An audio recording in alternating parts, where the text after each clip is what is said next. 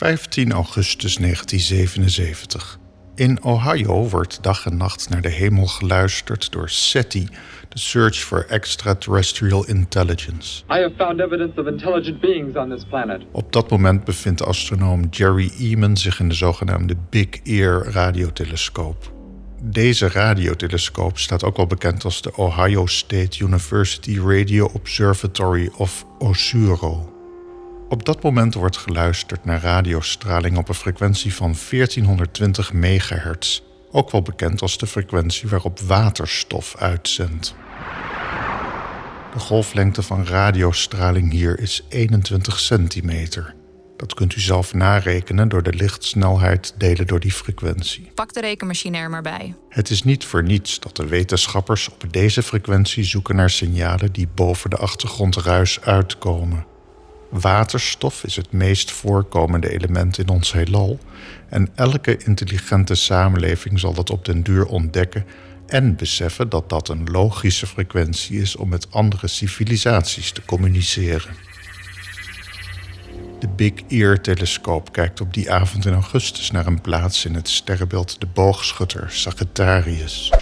Op zo'n 250 lichtjaar van ons verwijderd staat daar de met het blote oog onder goede omstandigheden zichtbare dubbelster G1 Sagittari. Tuurlijk. De pulsen in de radiowaarnemingen worden opgeslagen en vertaald naar alfanumerieke codes om er patronen in te herkennen. Die alfanumerieke codes staan voor de waardes van de sterkte van het radiosignaal. De codes beginnen te tellen van 0 tot en met 9 en gaan door met A tot en met Z. De gebruikelijke achtergrondruis schommelt wat tussen de waardes 0, een spatie, en 1 met heel af en toe een 2, een 3 of een 4, maar verder niks wat opvalt. Elke dag weer ruis, niks opvallends. Maar op die dag in augustus verschijnt een signaal in de data. 72 seconden lang komt er een harder signaal binnen, met respectievelijk de pieken op 6, E, Q, U, J en 5. Die exacte waarden zijn uiteraard arbitrair, maar dit is wel de enige keer in de lange bestaansgeschiedenis van SETI dat zo'n duidelijk signaal opvalt tegenover de achtergrondruis. Genoeg reden voor Jerry Eamon om een en ander uit te printen, met rood te omcirkelen en wow in de kantlijn te zetten. Wauw. Dit signaal uit 1977 werd dan ook bekend onder de naam het wow-signal. En bleef decennia lang de gemoederen bezighouden van zowel wetenschappers als gewone stervelingen. Want precies op de frequentie waar wetenschappers denken dat buitenaardse beschavingen contact met ons zouden kunnen zoeken, verscheen op die augustus in 1977 een signaal. 72 seconden lang zelfs.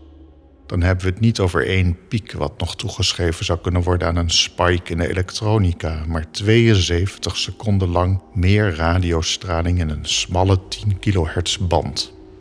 De letter U in die waarneming stond voor ongeveer 30 keer de hoeveelheid straling die sowieso op die frequentie wordt waargenomen. Met die 72 seconden is ook iets aan de hand. Dit is best uniek, of niet? Want de Big Ear radiotelescoop draaide aan de hemel op basis van de aardrotatie en daarmee was een signaal ook precies 72 seconden in beeld. Met andere woorden, de kans is groot dat het wow-signaal langer dan 72 seconden heeft geduurd. Het andere ding is dat die 72 seconden waarneming ook zeer waarschijnlijk betekent dat het signaal niet bewoog ten opzichte van onze hemel. Iets wat een vliegtuig of satelliet wel zou doen. De smalle 10 kHz frequentieband of bin waarop het wow-signaal werd waargenomen, bevond zich ook precies in het midden van wat wetenschappers het waterhole noemen. De meest voor de hand liggende frequentie voor buitenaardse beschavingen om contact met ons te zoeken. Nu moet u begrijpen dat deze radiofrequentie niet mag worden gebruikt voor reguliere communicatie op aarde. Het wow-signaal was dusdanig opwindend dat ook goed gekeken werd of er niet toevallig die dag iets langs de hemel vloog op het gebied van lucht- of ruimtevaart. Maar nee, geen enkele verklaring werd gevonden. Decennia lang werd op die plaats aan de hemel geluisterd naar een herhaling van het wow-signaal, maar er werd nooit iets gevonden. Consensus bestaat onder astronomen dat de bron van het wow-signaal dan ook buiten onze aarde gezocht moet worden. Our computer is picking up a strange signal. Maar ja, aliens? Zou het dan toch echt?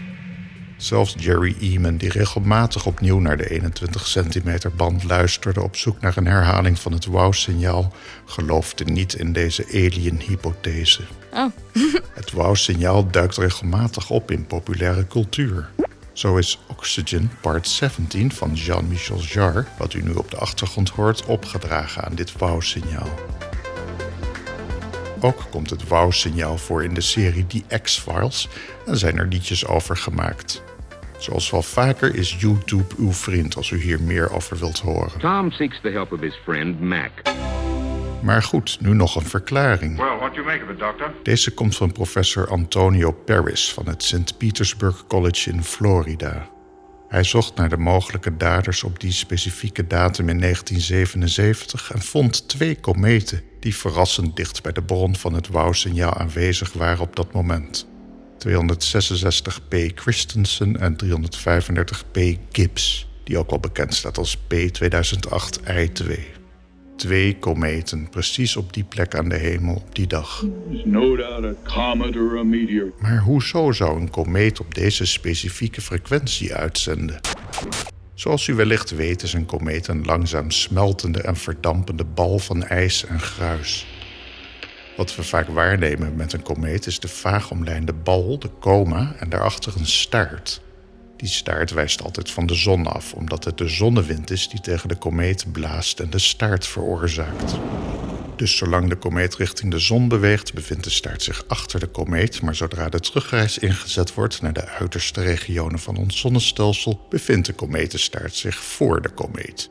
Dit even voor perspectief. Dit is Dr. Hens. Wanneer een komeet zich dicht genoeg bij de zon bevindt, ontstaat er een grote wolk van waterstofgas rond de komeet.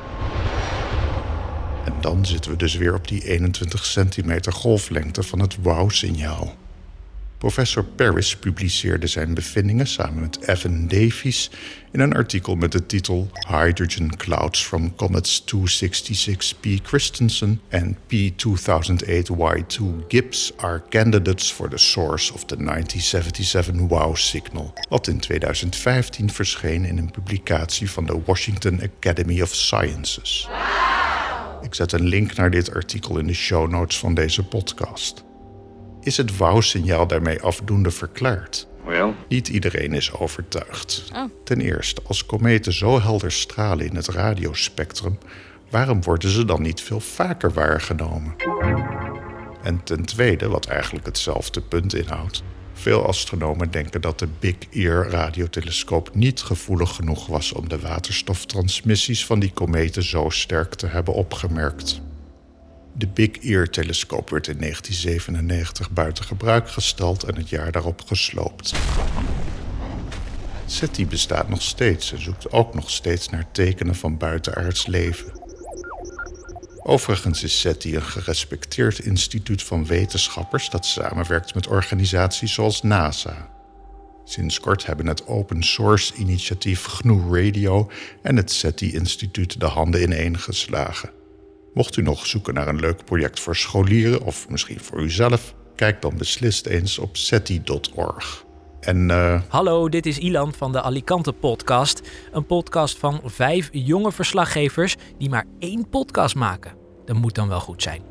Oh ja, en, en heb je trouwens nog vragen over het heelal? Dan kun je die mailen naar henszimmerman.gmail.com. tot volgende week.